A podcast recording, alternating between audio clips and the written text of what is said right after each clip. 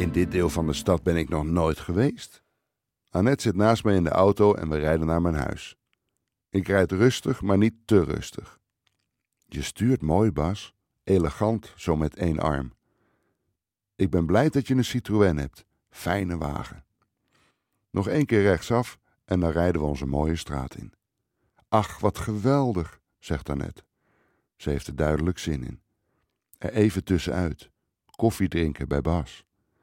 De man die in januari in jouw leven is gekomen, mijmer ik. Na een half jaar van een beginnende vriendschap vind ik het nodig om meer van mezelf te laten zien. Gek genoeg ben ik hiervoor wat gespannen. Een auditiegevoel. Ik laat haar binnen. Ach, kijk nou eens. Ik had verwacht dat het rommeliger zou zijn. Rommeliger? Ja, rommeliger. Kom ik zo rommelig over dan? vraag ik. Annette kijkt me aan en ze lacht wat. Nee, eigenlijk niet. Ik lach wat dom met haar mee. Het enige rommelige in de woonkamer is ons praten. Nu Annette in mijn huis is, ben ik me bewust dat de band hechter wordt. Je geeft wat aan mij en ik geef wat aan jou. Het is mooi weer. Ik rij Annette in onze tuin en ik laat de kippen los. Ze noemt alle plantjes en kruiden op en ze kijkt liefdevol naar de kippen die als poezen om haar heen dralen. Ik bekijk het van een afstandje en ik maak een foto. Annette heeft het niet door. In de keuken pruttelt het koffiezetapparaat. Een zorgeloos geluid. Ik ben weer op mijn gemak.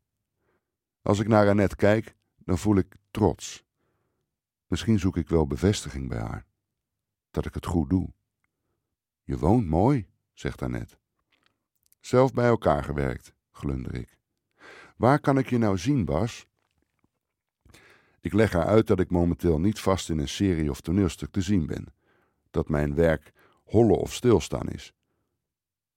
Dat ik wel elke dag te horen ben op de radio en tv, reclames, tekenfilms. Ik vertel haar dat ik luisterboeken inspreek. Het werk trekt voorzichtig weer aan.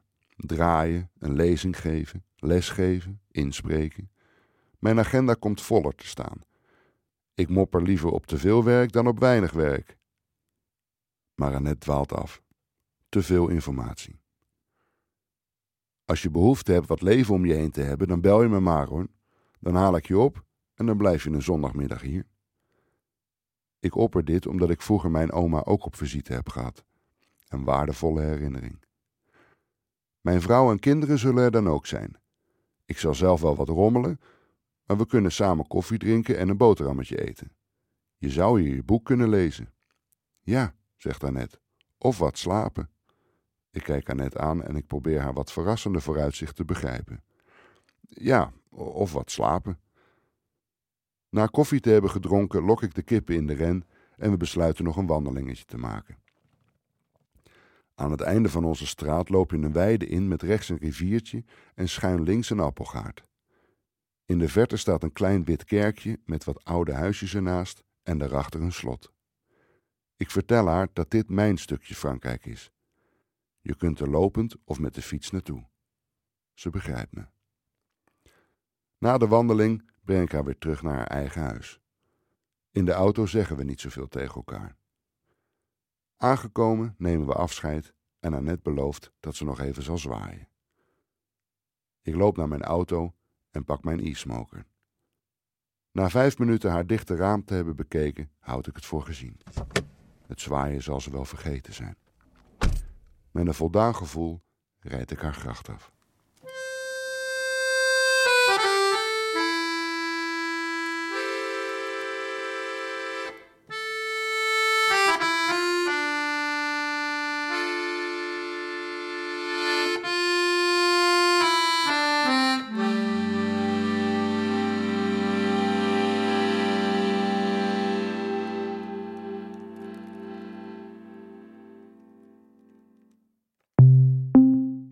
Ik was echt bang voor haar. Ja. Ik dacht, god, die kan me in twee woorden helemaal kapot maken met een gelach en uh, de gedoe.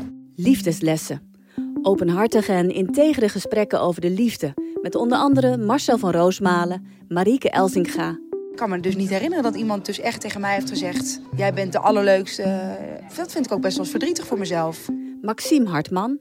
Ik geloof dat ik beter functioneer als, als ik Frankenstein-liefde uh, hanteer. Dus dat ik van verschillende vrouwen delen haal en die in mijn hoofd de ideale vrouw vormen. Maar dat is natuurlijk niet leuk voor een mens om te horen dat ze niet voldoen aan uh, het complete beeld van een ander. Ellie Lust. Dat je niet één keer uit de kast komt, maar je komt natuurlijk wel duizend keer in je leven uit de kast. En Rob Jetten. Hij is iemand die mij continu uh, heel veel tegenwind geeft. En dat heb ik echt nodig. Je vindt de podcast Liefdeslessen in je favoriete podcast-app of op nporadio1.nl schuine streep podcast.